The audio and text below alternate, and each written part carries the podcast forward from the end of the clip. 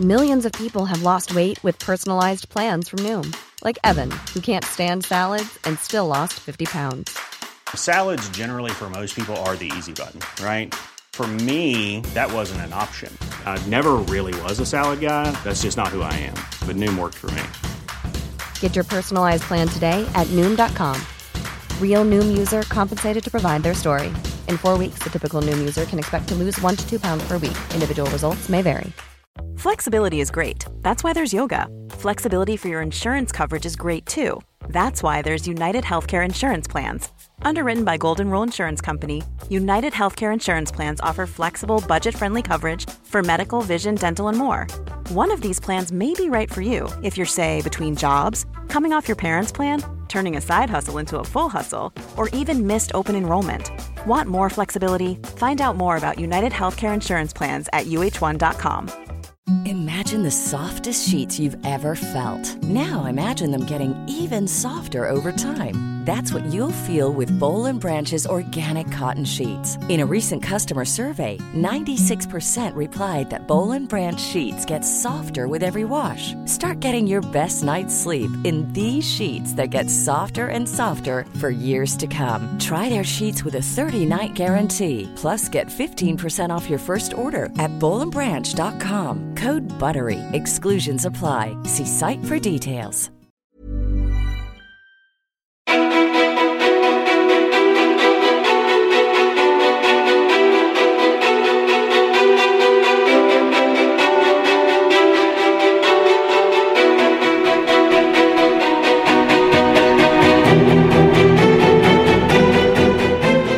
Och välkomna till veckans avsnitt av podcasten Ofiltrerat med mig Sofia, Peter Fia Ståhl och min projektledare Elin. För gästen som var inbokad hade förkylningssymptom så vi fick såklart boka om för det är sådana tider man tar sitt ansvar och håller sig hemma när man känner sig det minsta krasslig. Då fick jag in den lilla pekpinnen också. Men ja, det var så det var. Så då fick jag kasta in Elin som sitter här på behörigt avstånd. Ja du Sjödén, hur mår du då? Hey, I'm Ryan Reynolds. At Mint Mobile, we like to do the opposite of what Big Wireless does. They charge you a lot, we charge you a little. So naturally, when they announced they'd be raising their prices due to inflation, we decided to deflate our prices due to not hating you. That's right. We're cutting the price of Mint Unlimited from $30 a month to just $15 a month. Give it a try at mintmobile.com slash switch. $45 upfront for three months plus taxes and fees. Promo for new customers for limited time. Unlimited more than 40 gigabytes per month. Slows. Full terms at mintmobile.com. Many of us have those stubborn pounds that seem impossible to lose, no matter how good we eat or how hard we work out. My solution is PlushCare. PlushCare is a leading telehealth provider with doctors who are there for you day and night to partner with you in your weight loss journey. They can prescribe FDA-approved weight loss medications like Wagovi and Zepbound for those who qualify. Plus, they accept most insurance plans. To get started, visit plushcare.com slash weight loss. That's plushcare.com slash weight loss. Normally, being a little extra might be a bit much, but not when it comes to healthcare. That's why United Healthcare's Health Protector Guard fixed indemnity insurance plans, underwritten by Golden Rule Insurance Company, supplement your primary plan so you manage out of pocket costs. Learn more at uh1.com.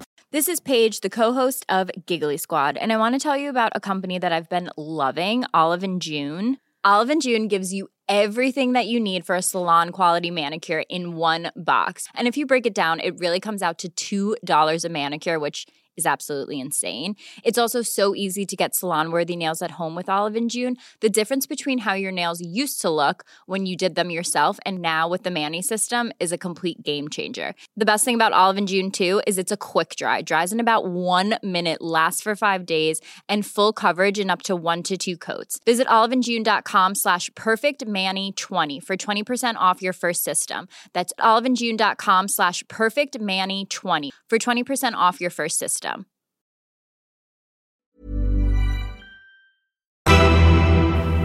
Jättebra. Det här är verkligen min poddröst. Ja. Hej. Standardsvaret. Och om du eh, fördjupar det lite grann. Du skällde ju ut mig alldeles nyss. Eller skällde ut mig var kanske att ta i. Men du påpekade alldeles nyss att jag hade duckat den frågan igår. När du smsade mig och frågade Ja, hur jag mådde. men sen var det en gemensam överenskommelse från oss att jag fattade att du duckade den av en anledning Eh, det var som en tyst kommunikation. Att så här, ja, men jag Ja, det fattar, hon mår bra, det är lugnt, då behöver jag inte tänka, liksom, då kan jag sopa det under mattan. Då. Men det var lite att gå bakåt i utvecklingen och, och börja svara på den frågan för att vi hade så mycket, eller så här, det var ju lite som att så här, äh, ja, ja, vi jobbade ju hemifrån igår så att vi kommunicerade bara via sms eh, egentligen. Ja. och det passade verkligen inte att du ställde den, eller så här, det var fint att få den frågan att bli, bli sedda, eh, som man kan säga. Ja. Men eh, jag hade inte tid, ork eller utrymme att eh, svara på den frågan då. Nej. För det fanns inte heller så mycket att säga. Eller så här, ja det är jättebra. Eh, Punkt. Precis. Eh, Men- men sen hade jag vi var igång liksom. Sen hade vi ett litet moment i morse. Tala. Eh, Beskriv gärna med ord. Gärna. Du smsade mig klockan sju och Mm. eh, satt och drack en morgonkopp eh, kaffe och mös över någon statistik du hade sett som gjorde dig extra nöjd och varm i, varm i hjärtat. Liksom. Mm. Och sen så eh, svarade jag på det och var så glad i hågen. Och sen så eh, skrev jag ett par till sms under förmiddagen. Och så fick jag då veta att min poddgäst eh, behövde boka av. Så då sa jag okej, då slänger vi in dig så gör vi ett karantänavsnitt. Funkar det? Och sen gick hela förmiddagen och så fick jag ingen respons. Och vi skulle ses klockan 11 då för att spela in det här avsnittet. Och hon hade inte svarat. Och det, grejen är ju... Så här, man, hon, du, hade inte svarat. Och det som är så intressant då när man har en liksom nära relation med någon, så man känner varandra väldigt väl och man har liksom sina inarbetade mönster. Då så fort det mönstret gås av, eller man säger, alltså att man så här, agerar annorlunda, då reagerar man ju så snabbt. För att i vanliga fall så svarar du alltid på två sekunder, eller att du eh, så här, i alla fall ger en... Alltså, du, du, vi har ju en väldigt snabb kommunikation oss emellan och eh, om du inte svarar så vet jag alltid varför du inte svarar eller, um, alltså, och vice versa.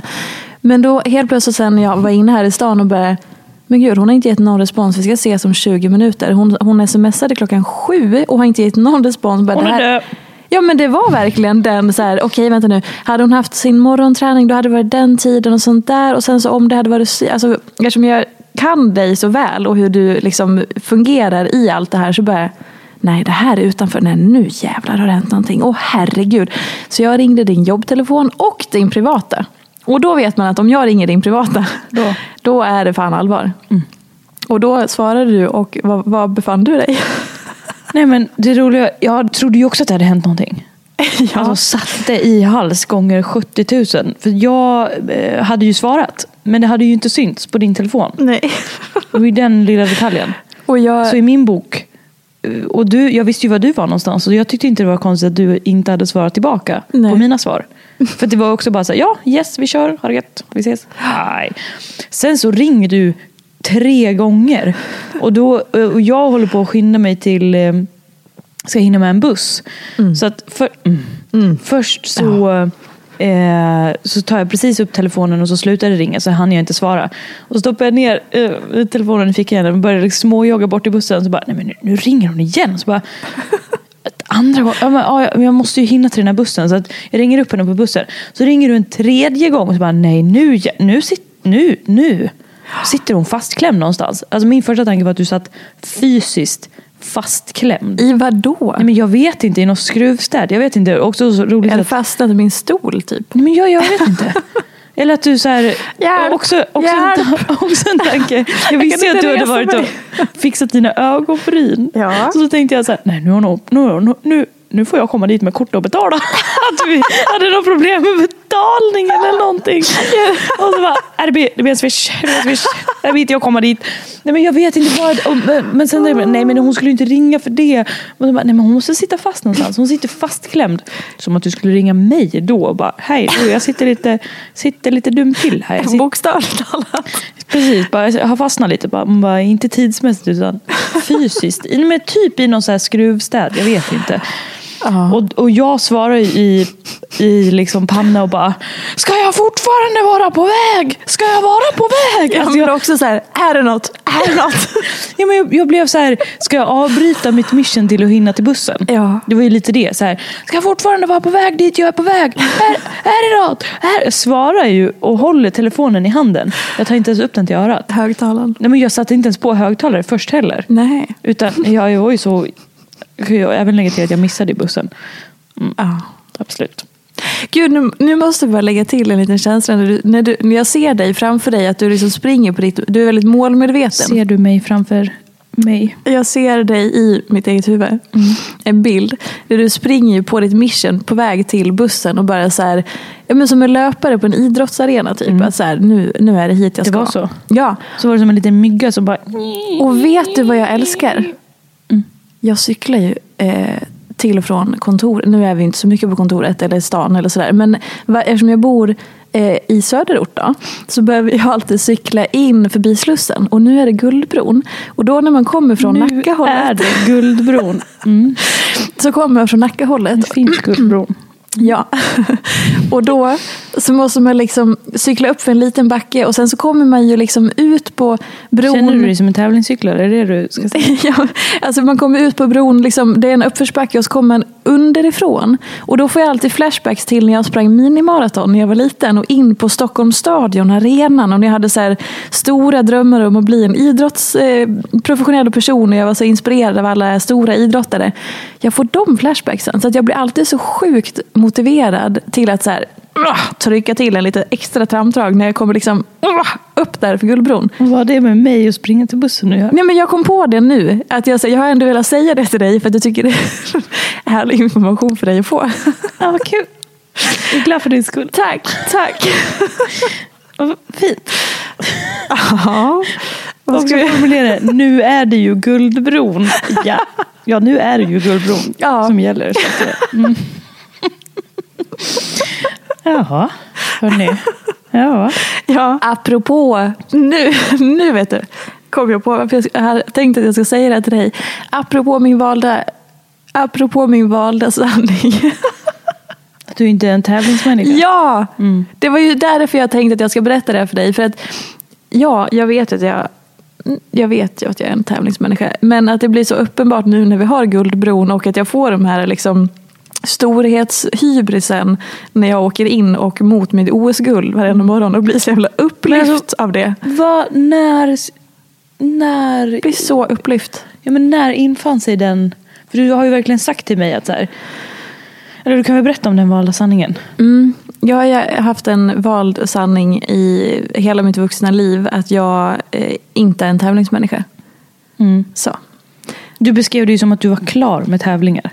Ja. Du tävlade när du var liten och du har känt dig klar med det. Mm. Ja, för jag så här, eh, om man ska gå tillbaka så hela min uppväxt bestod av tävling. Eh, i, jag började med längdskidor och hela familjen var liksom engagerad. Jag har ju eh, flera syskon, men mina två yngsta syskon som jag har vuxit upp med, vi var alla liksom aktiva i skidklubben med mamma och pappa. Och det var som en stor familj och liksom eh, alla familjerna, ja, vi växte upp så här superidylliskt i idrottsvärlden. Liksom. Eh, och allt kretsade kring längdskidor, barmarksträning, sommarläger, vinterläger, tävlingar och sådär. Så på en säsong så hade vi tävlingar varje helg. Eh, ibland liksom både lördag och söndag, ibland var det någon kupp och så vidare. Ibland åkte hela familjen upp. det var kul? Ja, alltså det var ju hela livet. Det är bara- Ehm, men så här, och vet du vad? Jo, för, så det är det som jag kommer ifrån. Det är det jag är uppvuxen med. Att så här, det är tävling jämt, eh, varje helg. Liksom. Eh, framförallt på vinterhalvåret. Sen på somrarna så tävlar vi också. För då var det liksom orientering, eller triathlon, eller eh, löpning eller sådana grejer. Ja, det här när du dundrar in på stadion. Exakt, när jag körde minimaraton och Lilla Lidingöloppet och alla de här grejerna. Så att jag har ju liksom tävlat, tävlat, tävlat hela mitt liv. Eh, men jag har aldrig varit bäst när jag har tävlat i de här idrotterna. Eh, så att jag så här, för mig så var glädjen inte så mycket i själva tävlandet utan allt som var runt omkring och allt som var liksom ringarna på vattnet av att leva i, dem, i den här miljön och liksom växa upp på det här sättet. Och, eh, jag var duktig och jag hade topplaceringar och jag hade bättre och sämre säsonger men jag var liksom aldrig den där uppenbara talangen som skulle typ bli en OS-medaljör. Där var jag liksom aldrig utan jag har legat någonstans i så här, eh, ja, topp 10 eller topp Ville du 5. Ja, men jag tror att det var det som jag inte riktigt var på det klara med själv. Eh, Jag hade nog inte riktigt de ambitionerna att bli en elitidrottare. Men jag var omgiven av personer som, som gärna ville det eller som hade höga mål. Men jag satte inte riktigt de målen. Och jag tänker mig att jag där så kanske liksom lite, och min lilla syster eh, gick det bättre för rent resultatmässigt. Hon är fyra år yngre. Eh, och hon hade högre placeringar och liksom mycket så. Hur var det då? Nej, men, och då tror jag att jag lite så här accepterade att så här, jag var ju inte den som var bäst på skidor. Liksom. Att det liksom, och det var liksom fine, det var ingenting. Alltså jag gjorde ju alltid mitt bästa. Men, men jag tror inte heller att jag eh, hade ambition att bli elitidrottare. För det valde jag ju bort sen när det var dags att välja gymnasie och skidgymnasie och sånt där. Eh, då, då, då valde jag en annan väg. Och det tror jag har gjort en liten förvirring i grunden. Att så här, Eh, jag är uppvuxen med tävling så det är klart att själva så här, idrottstävlandet, som att jag skulle hålla på nu och så här, försöka göra en klassiker och sånt, det är jag ganska ointresserad av. För att jag har ju tävlat i sport hela min uppväxt. Men däremot så är jag ju en tävlingsmänniska utav rang i min personlighet. Men jag tror att dels så tror jag att det bottnade i någon slags förvirring. Att jag tänkte att all form av tävling har jag gjort när jag var yngre. Så att nu är jag färdig med det. Och jag var lite trött på att så här, träning skulle handla om att tävla. Mm. Eh, så jag tror att dels, jag tror att det är grunden till det. Men sen tror jag att det också blev något destruktivt i att jag så här, eh, suddade ut den delen av mig själv för att jag tyckte att det var lite fult. Alltså, för jag ville väldigt gärna inte heller vara en prestationsprinsessa. Eller liksom, jag ville inte vara någon som bara så här, presterade sig fram.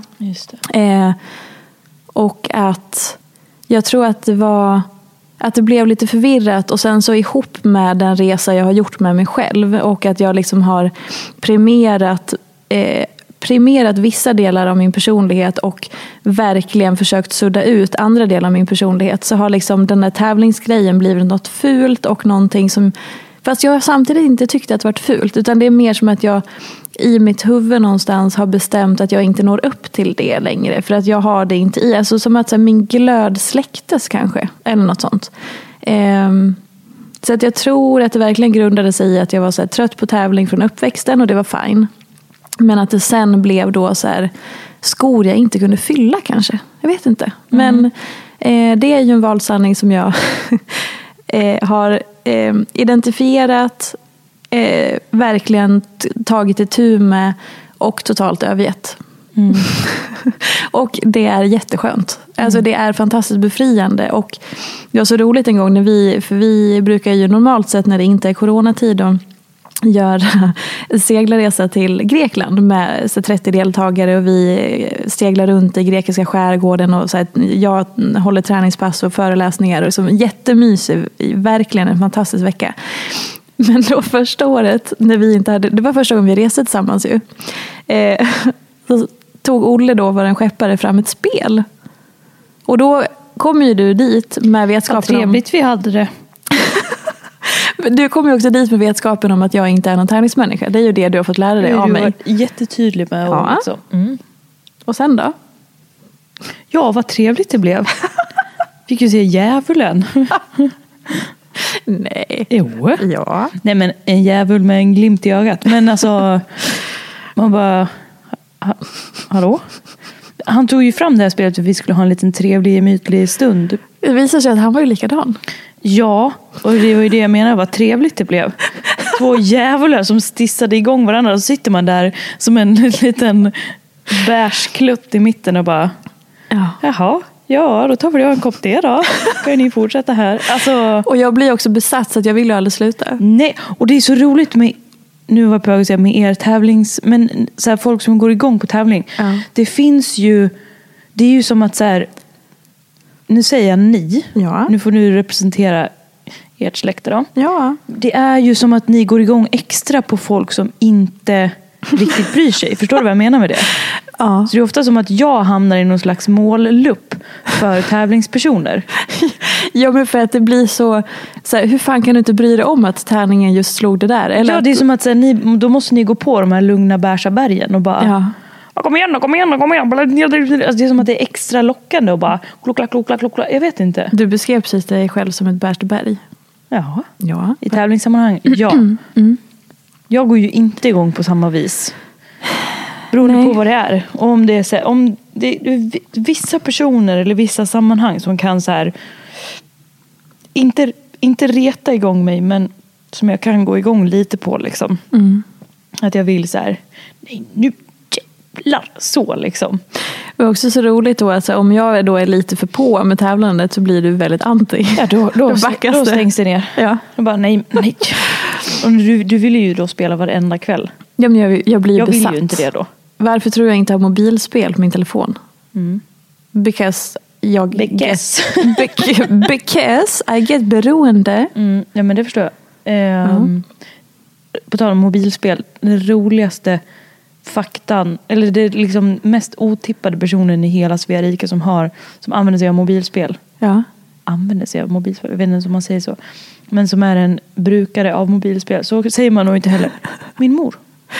No, men är besatt. mamma, hon är besatt. Mm. Det är hennes Bra. sätt att slappna av på har hon Ja, förklarat det som. jag kan, jag kan förstå. Vet, hon, så här, hon har sånt, hon är så insyltad, eller vad man säger, i sitt jobb. Alltså hon är så liksom påkopplad, det är så, hon är ju liksom, behöver använda både liksom brains and feelings, nej jag vet inte. Men alltså, det är ju ganska tungt på hennes jobb ibland. Eh, tungt och liksom tuffa ämnen att ta i. Eh, tuffa möten och sådär. Och då säger hon att hon måste liksom bara så checka ut. Och då är det, vad heter det, Candy Crush eller något sånt där. Ja. Alltså, tänk dig liksom en 60-årig kvinna som bara, nej jag ska bara samla lite karameller. Men mamma vad gör du? Det ser ut som hon sitter och så här mejlar eller gör någonting viktigt. Ser man hur hon sitter i typ så här, ja, men hon kan ju fastna. Jag relaterar så hårt. Jag har ju haft mobilspel. Mm. Det är inte, vack, en, inte en vacker syn. Nej det kan jag tänka mig. Nej. Men, eh, och hur, eh, på, på tal om det här med valda sanningar. Mm. Du gjorde ju också någonting förra veckan. Som eh, du tog ju upp gamla valda Ja. Jag skrev en lista. Ja. Ehm, för jag fick ju, vi hade ju en eftermiddag med eh, en kvinna som jag har gått till i flera år. Eh, I flera olika omgångar. Och så hade vi en, eh, eh, alltså i, som jag går till eh, privat. Eh, för att så här, ja, ha någon att bolla saker med, prata, samtal, coachning och så vidare. Eh, och hon jobbar även med handledning av företag. Så att då eh, hade vi en eftermiddag med henne, du och jag då i vårt eh, lilla företag. Och eh, fick liksom sortera massa grejer under den här eftermiddagen. Och saker blev så extremt tydligt. Ehm, men då inledde hon med att så här, bra, då vill jag ha en lista på, i och med att hon också, vi jobbar ju liksom som sagt med mig som person. Eh, och då som så här, nu ska du skriva ner alla dina valda sanningar. För att det finns ju många valda sanningar som eh, påverkar mig i mitt liv men också har påverkat liksom oss i hur vi jobbar och hur jag påverkas av mitt jobb.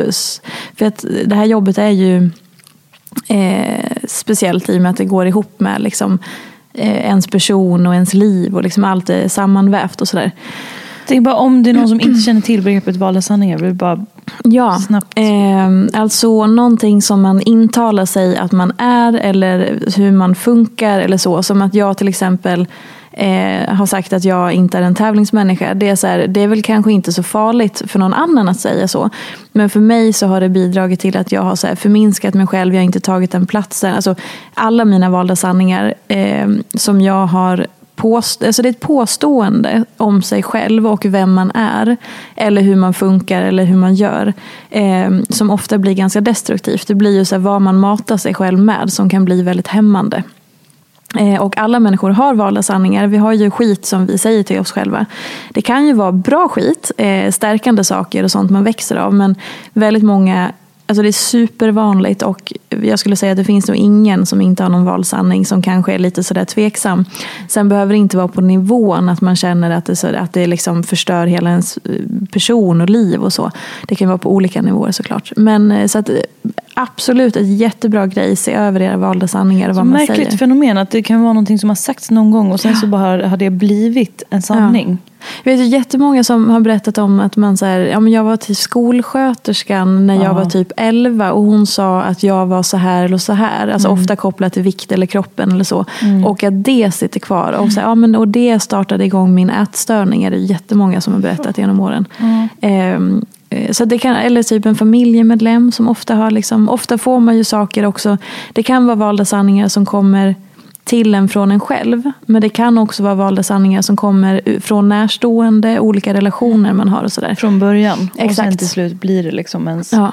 Valda sanningar. Ja. Mm. Och jag tror att jag skrapade ihop om det var 32 eller 33 valda sanningar. Eh, och de här var ju inte nya för mig utan de här har jag jobbat aktivt med under flera år. Men nu var jag liksom redo att verkligen genuint i hjärta och själ att verkligen säga hej då till dem. Mm. Eh, jag har vetat om dem jättelänge och jag har pinpointat dem så men jag har inte riktigt varit redo att släppa dem på riktigt för då hade det varit lite mer att, så här, mm, att, jag, att jag ville släppa dem men att jag inte riktigt menade. Mm. Det är för övrigt en grej som, som jag tänker ganska mycket på. att så här, När man pratar om hälsa och välmående och sådana saker så är det så mycket som, eh, som man vill och gör som jag satt i med en, en kund som jag eh, pratar med varje vecka.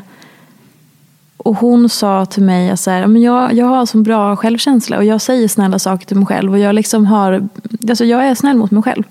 Okej, okay, vad bra. Eh, och sen så ställde jag några frågor på det och så till slut började hela hon att gråta. För att jag var så här, det du säger är jättefint och du har verkligen fattat eh, du har fattat hur du ska prata med dig själv och du har liksom förstått att hur du kan göra och säga och så. Men du menar det inte fullt. Det är liksom i hjärnan och i tankarna men det är inte satt i din kropp. Och när jag sa det så bara bröt ihop fullständigt. Mm. Du vet, hon ville så gärna ha bra självkänsla. Hon ville så gärna vara den som säger fina ord till sig själv och stärker sig själv och så. Men det var mer i teorin än liksom här uppe, jag säger uppe i huvudet så att man förstår. Eh, och det är väldigt vanligt att man håller på så för att man menar väl såklart, men det måste komma ner i kroppen så att det verkligen får en tyngd och att det blir genuint. Mm. Och det är ju också i och för sig någonting man kanske ser om man till exempel så ser någon på Instagram som så säger väldigt härliga saker och så här, kanske någon som är coach eller så här, att man har ett fint budskap. Men så är det någonting man börjar, det känns inte som att det rimmar. Det känns inte cementerat. Liksom. Nej, för då är det som att så här, ja, de här personerna de kommer med de här inspirerande quotesen eller de här fina orden och de har ett jättefint budskap. Men man ser att det sitter inte i deras ögon eller det sitter inte i deras själ eller så. Det, är liksom inte, det har inte åkt ner i källan i deras kropp. Liksom. Eh, och det är kanske är det som gör att man känner att någonting är genuint eller inte. Mm. blev det lite olika spår. Men apropå valda sanningar då att jag först nu var faktiskt redo att så här, på riktigt befria mig från dem. Och då har jag gjort ett jättejobb med det väldigt länge. Men man behöver komma till punkten att, att så här, ja, visst, nu vet jag om det. Jag har det här uppe i huvudet och jag försöker. Och sen bara ah, ner i kroppen. Då kan det börja hända grejer också. Det låter ju superfint men också lite flummigt. Mm. Alltså jag förstår ju vad du menar men det låter ju också lite flummigt så här. Ja nu ser jag dem och sen ska det ner i kroppen. Ja, men hur i hela havet? Man kan, man kan också översätta det som att så här, man kan, så här, man kan, ord, det kan vara tomma ord. Eller så kan det vara ord man menar. Mm. Alltså då blir det ju inte lika flummigt, eller hur? Nej men jag tänker också så här, om man bryter ner det lite. Mm. Hur tar man ens reda på om man har några valda sanningar? Vad, hur utkristalliserar man vad som är en vald sanning, om det är en vald sanning som skadar en på något vis. Mm. Hur börjar man arbeta med dem? Eh, och hur, om man känner då, som men hon då som din coachingkund som du refererar till. Mm. Om man då, där var det ju så tydligt. Om man då ska gå från ganska schysst snack, men det är ett toppsnack då som du Mm. pratar om i huvudet. Och hur, hur kan man cementera det då? Men dels så kan man ju börja med, alltså, om det är någonting som man ofta uttrycker, för att vi har ju saker som vi ofta så här, slänger oss med hur, i hur vi är. Som att så här, i vår vardag så kanske man eh, ställs inför någonting eller, eller att man, eh, alltså, där man, man hör ju ofta sig själv säga ett påstående. Nej, Om men, sig själv. Exakt. Mm. Så här, nej, men jag, nej men jag är ingen tävlingsmänniska så att, eh, vi ska inte ha försäljningsmål i vårt bolag. Eller så. Jag bryr mig inte om siffrorna. Eller eh, nej, nej men jag är ingen social person så att jag kommer inte våga gå på det där minglet. Eller eh, nej men jag, jag är så himla eh, dålig på. Eller jag är ingen så. Alltså, om, vi, om vi börjar med att så här, lyssna lite där. Så här, försök ha med dig i din vardag var, var och när säger jag sådana här påståenden? Och man kan också fråga sina nära. För som sagt, du identifierade jättemånga av mina valda sanningar för att det var saker som jag sa kanske utan att tänka på det. Och då kan man fråga kanske sina nära relationer. Så här, men du, är det någonting som jag, vad skulle du säga att jag ofta beskriver mig som? Eller hur jag är? Eller vad säger jag ofta om mig själv? Så som du har märkt. Och så kan man skriva ner dem och så här, börja identifiera. Och sen så kan man också ha med sig då så här. Okej, okay, det här säger jag ofta. Aha, det där säger jag alltid när jag känner mig lite hotad eller lite rädd. Eller det där säger jag alltid när, när det är en ny situation så att jag känner mig otrygg. Eller oj då, det där känner jag alltid när jag har PMS och mår skit för att jag är där i min menscykel. Eller där, förstår ni? Alltså det, så kan man börja identifiera och sen bara, men vänta, hur påverkas jag då av att jag alltid säger så här? Till sig själv, om Exakt. sig själv. Ja, mm. och så märker man då att så här, ja men som för mig till exempel med Eh, någon annan valsanning som jag hade. Ja, men ett tag så trodde jag, intalade jag mig att jag var introvert. Mm. Eh, och som sagt, det, det, finns ingen värdering i de här valda sanningarna utifrån att så här, alla borde vara tävlingsmänniskor. Alla ska, alltså det är ingenting sånt, absolut inte. Utan det är bara så här, hur... För då när jag sa till mig... egen sanning. Ja, så att, det är viktigt att påpeka, det finns ingen värdering i någonting. Det ena är inte bättre eller sämre eller så. Eh, men för mig då, så i hur jag är som person och människa, liksom i ja, hur jag är som person och människa. Eh, att jag då intalar mig att jag är introvert. Det blir ju som att så här, vingklippa en fjäril. Eller att så här, eh, sätta en ram på ja, det är bra att du är så här men mm, det får inte vara för mycket. Vet du. För då, och då, då var det som att, eftersom jag upplevde det, både kanske från andra och mig själv, så blev det att jag, eh, lite som när man har målarbok. Och man får inte måla i liksom alla sina färger, man målar i några färger där det passar. Liksom. Eh, och då var det ungefär som en liten sån här, ett stödhjul att hålla i. att så här, oh, Jag kanske är introvert ändå. Det är nog bättre. Plus att jag var ju utbränd för åtta år sedan. Eh, snart nio år, eh, åtta och ett halvt år sedan. Eh, och då är det klart att jag hade ju många, alltså i min rehabilitering och återhämtning och liksom vägen tillbaka så var det ju mycket som prövades och ändrades och så. Vilket gjorde att här, under någon period i min återhämtning, det är klart att jag kunde kanske föredra att inte träffa folk, jag var känslig för intryck, jag vill liksom, alltså saker man kanske skulle kunna sätta som introverta drag. Men det hade ju med min återhämtning att göra. Det hade ju inte med mig som människa att göra. Eh, och att den då, att boxa in mig i den mallen är ju så långt ifrån hur jag är som människa och person. Och det skadade mig. Mm. Så återigen, det är inte fel på att vara introvert överhuvudtaget. Det är bara det att när man säger det till en introvert person, nej, en extrovert person som jag mer identifierar mig som, så blir det liksom, det skaver och det blir fel och att ja, det blir jäkligt destruktivt blev det för mig. Mm. Eh, så att så här, jämför inte några, vad jag har för valda sanningar med er eller så, men börja identifiera och se Okej, okay, men vad säger jag till mig själv i olika sammanhang? Varför? Vad kan det grunda sig i? Jaha, hur påverkas jag av det då? Vad hindrar det mig ifrån? Och så vidare. och Så vidare. Mm. Så man kan börja där. Och skriva ner är jättebra. Och börja så här, okej okay, men hmm, okej okay, jag ser det här mönstret och hur påverkar det? Jaha, nu, så, nu har tre kompisar sagt att jag alltid säger så här. Det visste jag inte ens. Mm. Men när jag hör det så mår jag ganska dåligt av det. Jaha, det kanske leder till det här. Och så kanske man kan bygga en liten, ett mönster så. Om man eh, kollar mer på den andra situationen då. Det här med att en önskan om att säga saker på riktigt. Mm. Alltså det, det här... Du menar komma ner i kroppen? Mm. Ja, men jag tror att det är så här, det, då får man ju nästan gå in på Ibland när jag gör så listor i sociala medier så återkommer jag ofta till att säga det du menar. För att vi lever ju någonstans i ett samhälle där man tränas i att inte säga vad man menar. För att man ska hela tiden anpassa sig efter att någon kan ta illa upp eller att man ska linda in saker. Man, ska man får inte tycka riktigt för att då ska man liksom Alltså man ska anpassa sig och helst kanske eh, antingen linda in eller ändra, liksom anpassa sig så mycket så att det till slut inte blir någonting kvar. Du menar att man gör det inför sig själv också? Ja, absolut. Både inför sig själv och inför andra. Och att så här, samhället bygger ju någonstans på att alla ska vara lite likadana så att allt funkar. Liksom.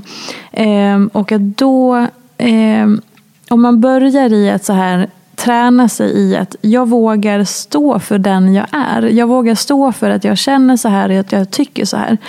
Och med det sagt så betyder inte det att man ska bli en odräglig människa som bara är som en ångvält som skiter i folk. Det är inte det jag menar. Men att, som vi prat, har pratat om många gånger, att så här, det blir så lugnt och tryggt och rakt. När man, för att om man, om man upplever att jag säger som, som jag menar, jag säger det jag menar, då vet man ju vad man har mig.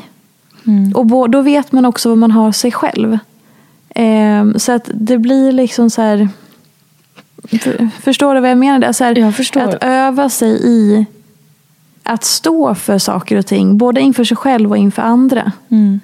Om man upptäcker att man inte tycker om sig själv då? Om, man säger, om det som man då släpper fram är liksom... Då tycker jag att man ska definitivt försöka få gå och prata med någon professionell. För att eh, det finns jättevärdefull hjälp att få. Eh, och man behöver inte klara allting själv.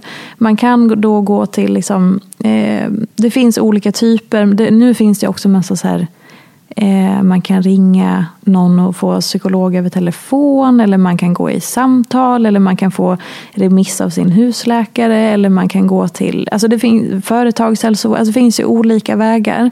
Eh, så att om man märker sådana saker då ska man ju definitivt försöka liksom ta sin hjälp för att det, det finns jättebra hjälp att få. Mm. Eh, och är det på så man kan ju känna att så här, Åh, nu vill jag lära känna mig själv och det är med nyfikenhet. Men sen finns det såklart olika grader. Eh, om man märker att man har destruktiva beteenden, man gör saker som skadar en och sånt där. Då behöver man inte gå igenom det själv. Det är Nej. jätteviktigt. Ja. Hur vet man vilken sån hjälp man ska Det vet man inte. Det vet man inte. Jag tror Det finns ju att, så mycket olika. Ja, jag tror att man bara får börja någonstans. Du har testat ganska mycket va? Ja. Jag gick till fyra olika terapeuter. Det här är ju inte roligt att höra för någon som kanske är där. Att man ska så här, fråga någon om, om Men kanske ut, också men, lite hoppfullt att så här, Ja. orka, eller inte hopp, men ja, Ja. orka fortsätta.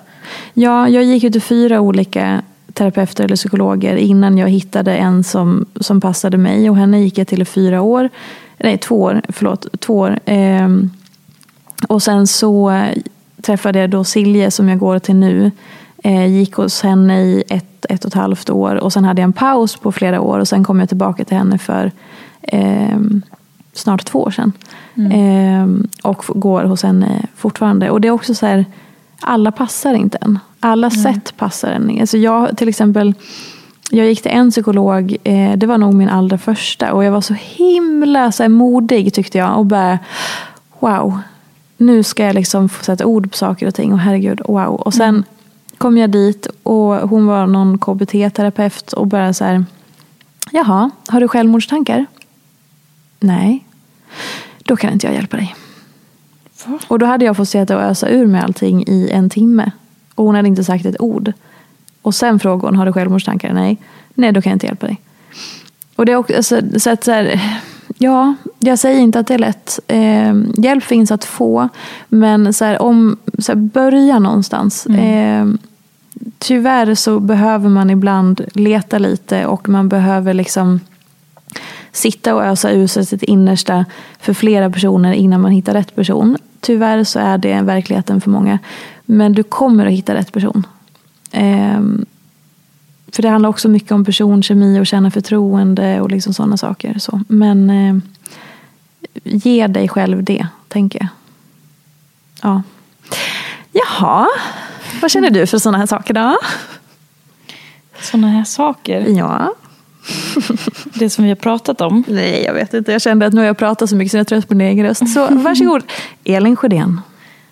Ja, vad jag känner. Jo, men ehm, jag tycker det är intressant att prata om sådana här saker. Jag tycker också att det är så...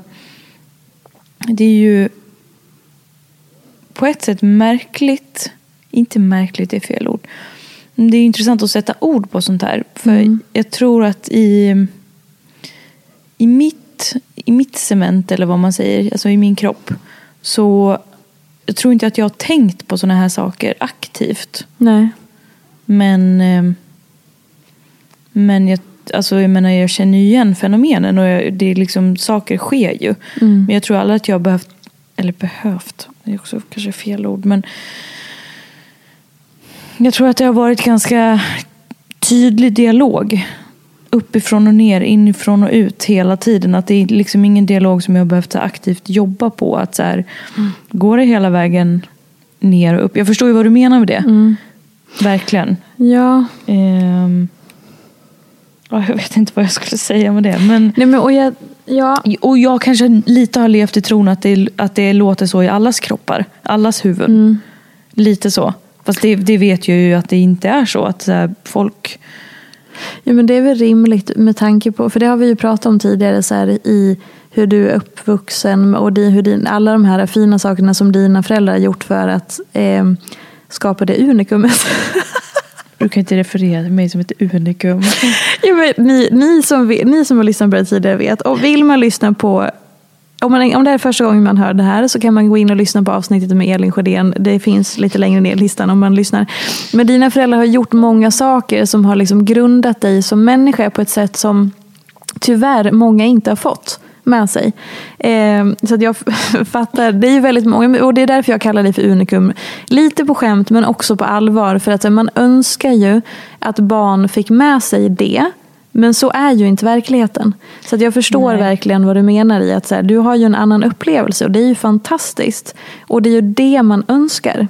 Att allt det här ska ske per automatik. Men det gör ju inte det. Nej, men, och det är ju det jag menar med att jag tycker att det är så spännande att prata om det här. För att jag fattar så här, ja, rent ut sagt, fan vad folk får harva på. Och jobba med sig själva. Fy ja, nu svär jag rakt ut. Ja. Men fy fan vilket jävla helvete människor liksom har och går igenom och så måste harva sig igenom. Och så kan man sitta där själv som, jag har beskrivit mig själv som ett Berstberg. Och så kan jag ju känna även i det här. Att så här På tal om att så här vara cementerad. Att den här, eh, den här blandningen som, som gjordes, som råkade bli jag.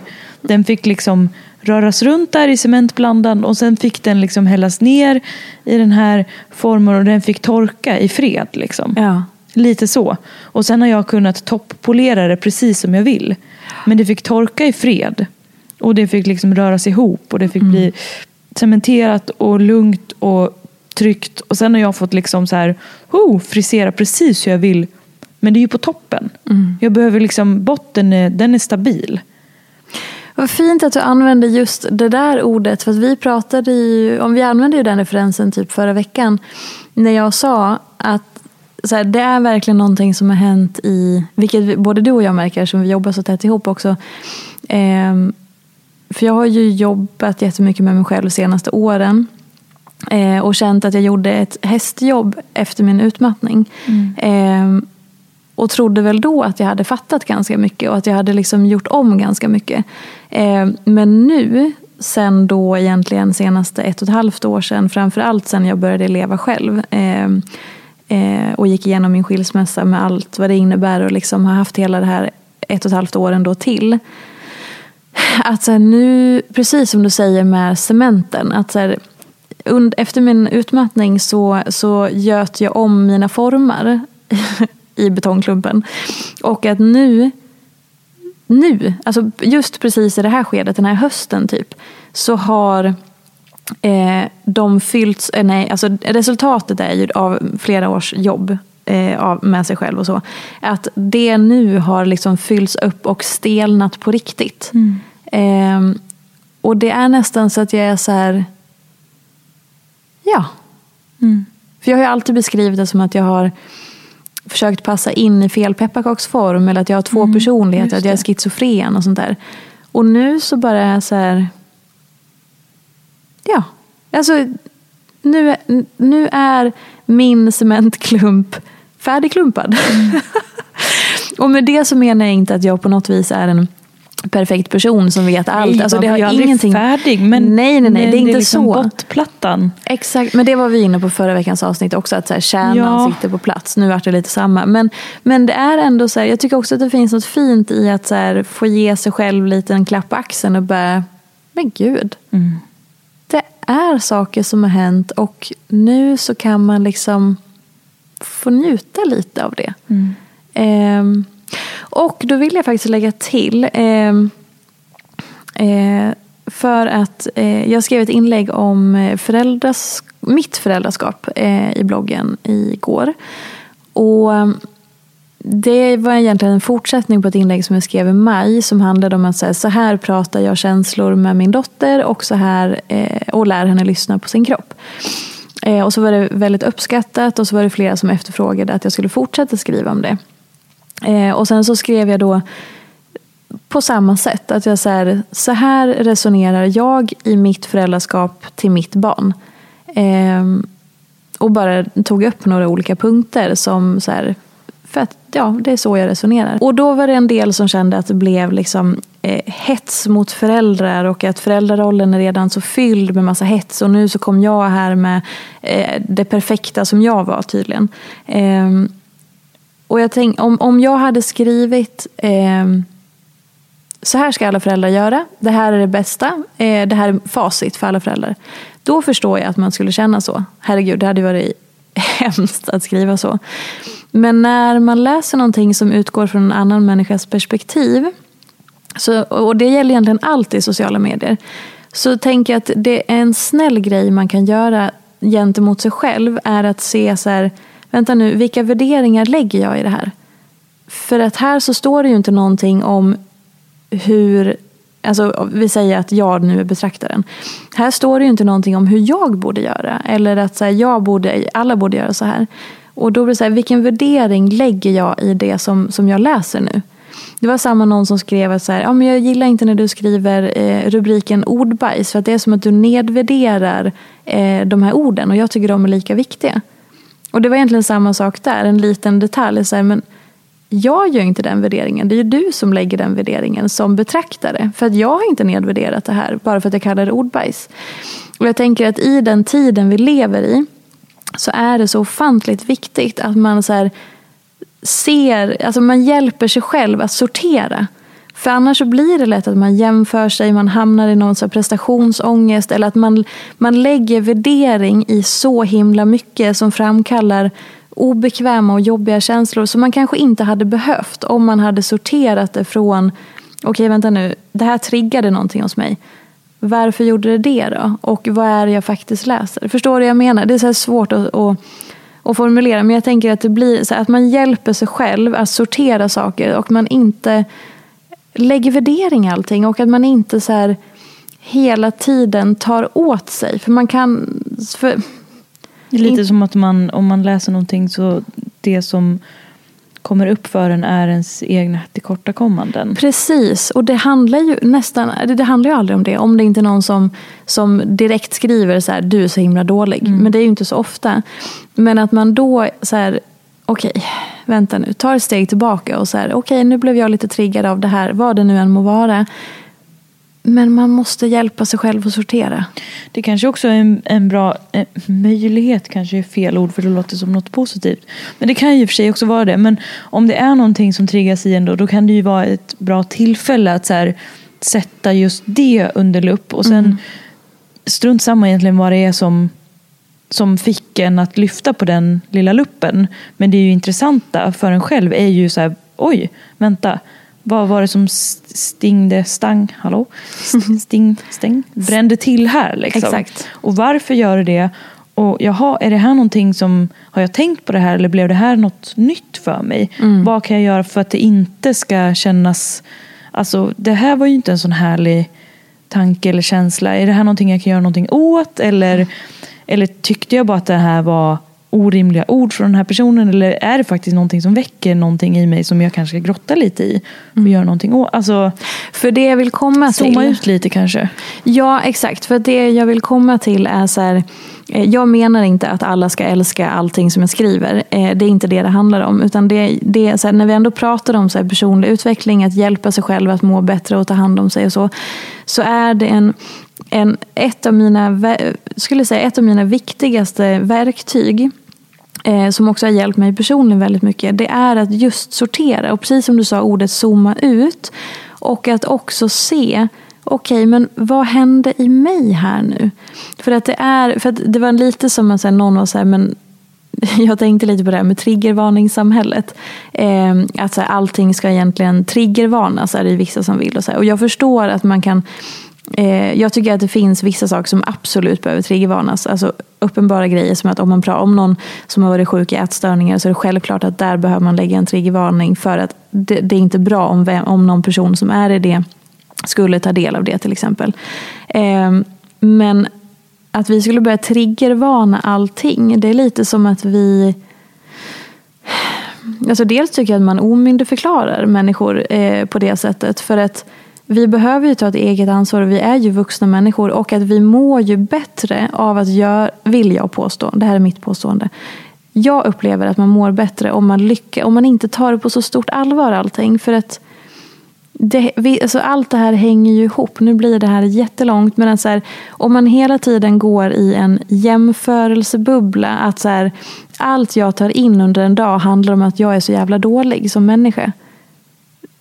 Det, det funkar ju inte. Då skulle man ju kunna omsätta all information man tar in som någon slags kritik gentemot Ja, en själv. Och det blir ju exakt. inte en härlig vardag Nej. att gå runt i. Och så här, skit, skitsamma om det är information från dig eller vad, vad Ja, det är egentligen det orelevant. kommer Det är bara ett exempel. Nu var det ju bara ditt inlägg du tog som exempel. Men det blir ju jättejobbigt om man liksom processar om all information man tar in och gör om den till någon slags kritik gentemot en själv. För det går ju att hitta i allt Ja, i sånt fall. Och vi, så här klassiskt som man alltid pratar om att man ska skilja på sak och person och sådana saker. Och det är en gåva. Alltså att göra det är en gåva. För att man, man befriar sig från så mycket ångest, jämförelse, till, alltså att man känner sig otillräcklig och alla sådana sakerna. Och tro mig, jag har upplevt alla de här typerna av känslorna. Så att det är inte så att jag sitter på en hög häst och bara herregud. Utan det är, alltså, jag ser det som en gåva att jag har lärt mig att sortera. Det är i alla fall, för att sammanfatta allt det här långa, ehm, är så här, jag, jag känner igen hur det är att man tar åt sig av olika saker. Jag känner igen hur det är att känna sig otillräcklig och att man sätter sitt värde i prestation och sådana saker. Och den största gåvan som ger mig liksom en helt annan eh, respekt för. Jag tycker det märks skillnad på dig bara senaste halvåret. Ja, men jag vet. Att saker inte går in på samma vis hos Exakt. dig. Du nästan Exakt. skulle, alltså ibland kunde bli, du ska inte tala, föra din talan här, men Jo. som en person bredvid var det nästan som att du ibland kunde bli lite punkterad av vissa saker. Mm. Att verkligen så här, åh, att luften verkligen gick ur. Verkligen. Verkligen. Och det, och så, så, den, så att jag menar, det är där jag kommer ifrån och jag, alltså jag, jag har full respekt för att man är där. Och då menar jag att den största gåvan man egentligen kan ge sig själv är att dels sortera saker och att också ta sitt ansvar i Okej, det här som jag precis tog in nu och känner mig personligt förolämpad, är det rimligt? Vad var det som triggades hos mig? Och sen att man tar helikopterperspektivet och kan liksom skilja på, men det här väcker någonting hos mig för att det är det här jag kämpar med just nu. Och det har man full respekt för. Men, men man kan inte gå... Man, jag ska inte säga att man inte kan. Men man Det blir ju mår... mycket skönare för en. Om, Ja, man, inte, man mår- om man inte det, Exakt. låter det gå in. Ja, och det är ju lätt att säga. Låt det inte gå in.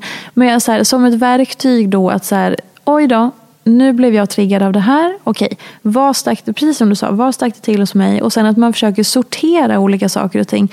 För att allt handlar inte om en själv. Och ofta när någonting sticker till, det är då det handlar om en själv. Men budskapen behöver ju inte alltid vara du är dålig där, du gör fel där och så vidare. Eh, men om, om det blir väldigt mycket prestation, då är det klart alltså, att man lägger prestation i allting. Okej, nu läste jag en sån här lista och jag är världens sämsta för att jag gör inte så. Då blir det väldigt jobbigt. Jag vet inte hur jag ska sammanfatta det på ett annat sätt. Men det, då är man ju inte speciellt schysst mot sig själv. Verkligen inte. Om man omsätter det till kritik Mm. gentemot sig själv. Det man gör då är ju verkligen slå ner på sig själv. Gud ja. Det är verkligen supervanligt. Och jag tänker så här som ett, ja, Men det är nog superlätt att, att liksom slinka in på den stigen utan att man knappt märker det. mm. Och att man liksom omsätter det till något slags negativt till en själv. Som sagt, utan att man knappt har märkt det. nu blev det en jättelång harang. Jag kommer knappt ihåg hälften vad jag har sagt. Eh, mitt budskap är det handlade inte egentligen om eh, den här specifika situationen i mitt inlägg utan det var ett exempel för att jag förstår vad man kan vara i att så här, man tar väldigt illa upp och man tar saker personligt och man, man läs, tar in saker så att man känner att det påverkar, att det blir kritik mot en själv. Och då tänker jag att det största verktyget som också har hjälpt mig personligen är att öva på att sortera. Att identifiera vad väcks till liv i mig här, okej varför blir det så? Så att man också förstår, det här var ju inte mot mig personligen. Det här är en känsla, det här är faktan och så vidare. Ehm, vi kan prata mer om det i något kommande avsnitt. Men det är en så bra grej att ha med sig. För att det är väldigt sällan saker och ting är riktade personligt mot en. Men man kan väldigt lätt hamna i det. Och är man på en sån plats så det snällaste man kan göra är att försöka öva på den sorteringen. För att befria sig själv från det. För det är inte en plats där man mår bra. Om man går runt och ständigt känner sig påhoppad av olika saker. Och som sagt, det där var bara ett exempel med mitt blogginlägg ja, synonym för eh, någonting annat. Men jag tror att många kan känna igen sig. Jag själv har upplevt det här otroligt mycket tidigare i mitt liv. Eh, ja. Sjukt att det är så lätt att vara så oschysst gentemot en själv. Ja, men det ligger så nära till hands hela tiden. Att det liksom ligger... Men tänk att det är det vi får lära oss. Mm. Vi får, alltså, det är lite så här om man tänker att så här, vi, som, som jag sa till en av mina kunder. Eh, vi alla ska liksom åka till eh, Kiruna det är det som är liksom slutdestinationen på livet. Alltså nu som en synonym. Synonym. Synonym. Den synonym. vi alla ska åka till Kiruna. Och eh, alla vill att vi ska åka på den här jävla motorvägen hela vägen upp. Det är det som är liksom, du ska åka på E4, E20, alla de här eh, stendöda motorvägarna. För det är det som passar in, det, då vet man vad man har dig, det är liksom ordning och reda och du liksom, så, då vet du, då har du din plats. Men så glömmer man att fan 70 000 olika små snåriga vägar, riks skogsvägen, grusvägen. Korpilombolo. Ja, går ju också till Kiruna. Men där får vi inte åka. För vi lär oss att motorvägen är det enda bästa.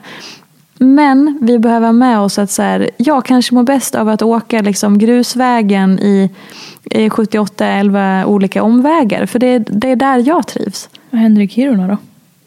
Ja, det är där tar vi nästa, Det tar vi i nästa avsnitt. ja, jag är faktiskt extremt nöjd med den eh, metaforen. Jag mm. Metof, vad sa jag? Syn, syndonom. Synonom. Ja, så. Så var det med det. Jaha, pekade Elin Sjörén på mig och sa nu får du wrap it up här. Och så ska jag sluta knära på. Sluta flaxa till mig. Ja. Nu har jag pratat ungefär 85 procent i den här podden. Så att nu, varsågod, slutordet är ditt. Nej, men jag kan inte avsluta din podd heller. Men du kan säga något slutord. Men. Åh, det här kommer jag ta med.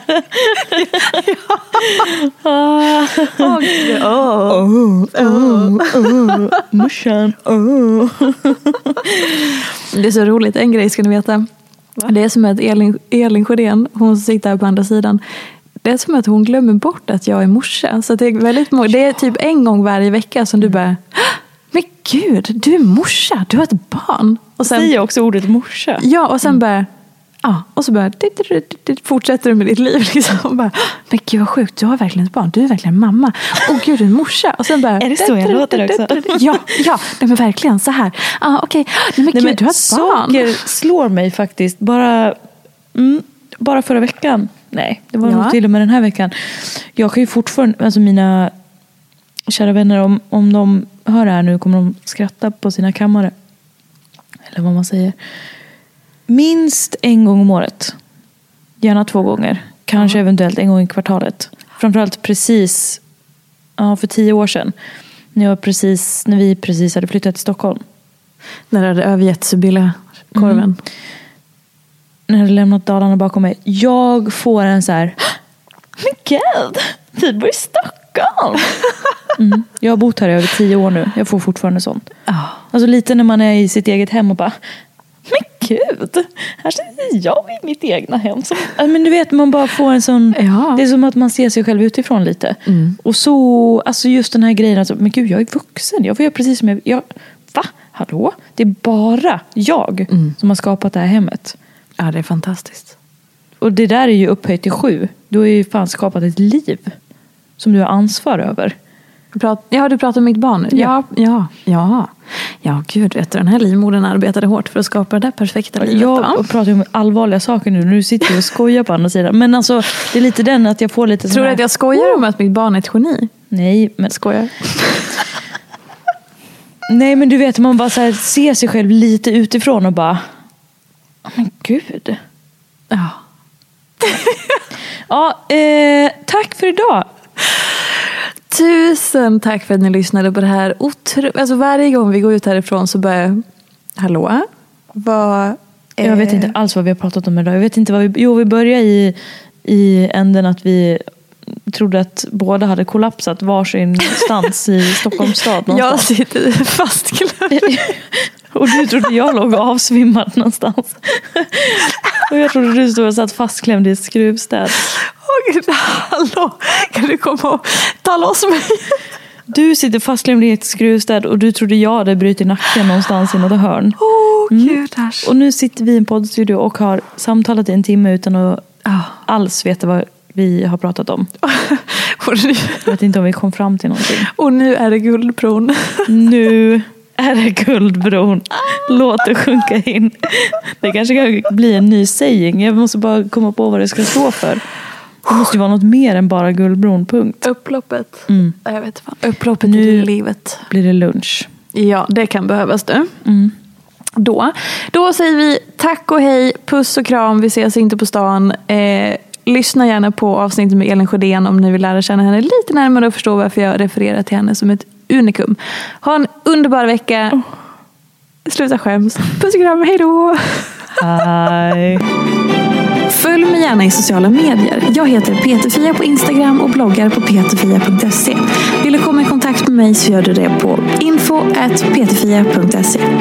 Jag vill rikta ett stort tack till Acast för studio och stöttning och ett stort, stort tack till geniet Elin Sjödén som klipper den här podcasten.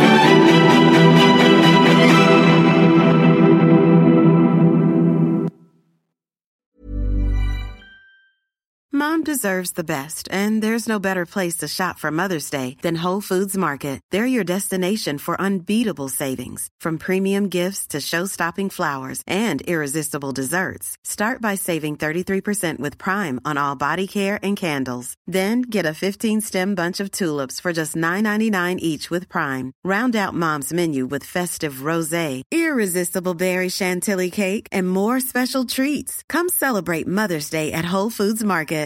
Imagine the softest sheets you've ever felt. Now imagine them getting even softer over time. That's what you'll feel with Bowl and Branch's organic cotton sheets. In a recent customer survey, 96% replied that Bowl and Branch sheets get softer with every wash. Start getting your best night's sleep in these sheets that get softer and softer for years to come. Try their sheets with a 30-night guarantee. Plus, get 15% off your first order at bowlandbranch.com. Code BUTTERY. Exclusions apply. See site for details.